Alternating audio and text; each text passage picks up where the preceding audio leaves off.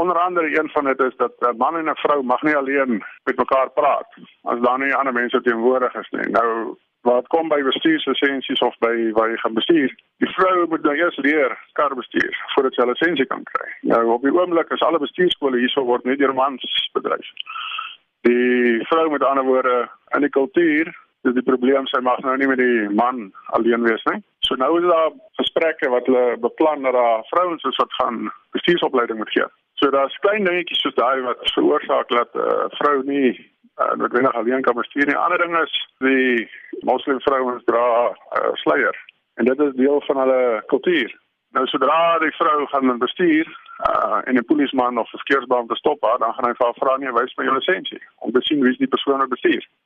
En dan sodra sy dit doen, dan moet sy haar uh, gesig ontbloot voor hom. Nou dit kan self ook 'n probleem veroorsaak want as hulle sê byvoorbeeld glo sy mag dit nie doen nie, veroorsaak dit nou weer aan die ander kant 'n probleem.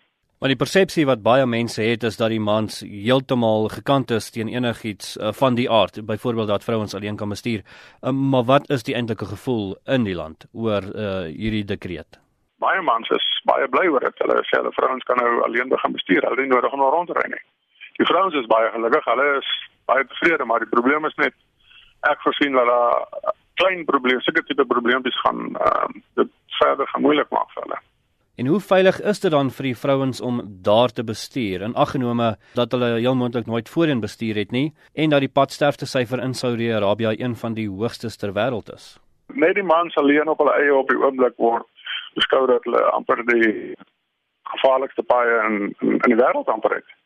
En dit is sonder dat enige vrouens bestuur. Nou die feit is sodra die vrouens gaan bestuur, moet hulle nou in hierdie verkeersomgewing inkom waar hulle nie noodwendig veilig is om te ry nie. Is redelik baie vir hulle wat vra lisensies het want hulle kom uit van hulle werk in Dubai, van hulle werk in uh Bahrain. En hulle lisensies wat hulle daar het, is geldig hier, so hulle gaan nie mag bestuur, maar die verskil is die bestuurkultuur hierso.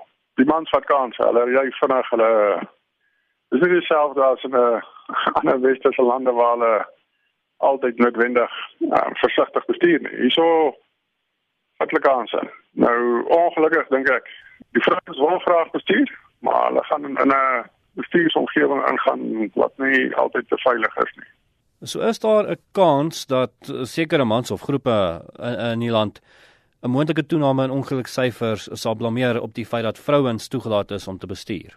Ja, ek dink as ons met syfers gaan gebruik, dan gaan baie meer bestuurders, voertuigbestuurders op die pad wees die syfer gaan styg. Kom ons sê op die oomblik is daar 8 miljoen wat bestuur, daar is ongeveer 11 miljoen vrouens. Ons sê net 'n miljoen van hulle wat baie lae persentasie is van bestuur want jy klaar miljoen voertuie meer op die pad. Met ander woorde, daar gaan meer botsings wees want die syfers is hoër. En dit beteken nie noodwendig dis die vrouens se skuld nie. Die vrou gaan uh, in my opinie waarskynlik 'n veiliger, versigtiger bestuurder wees.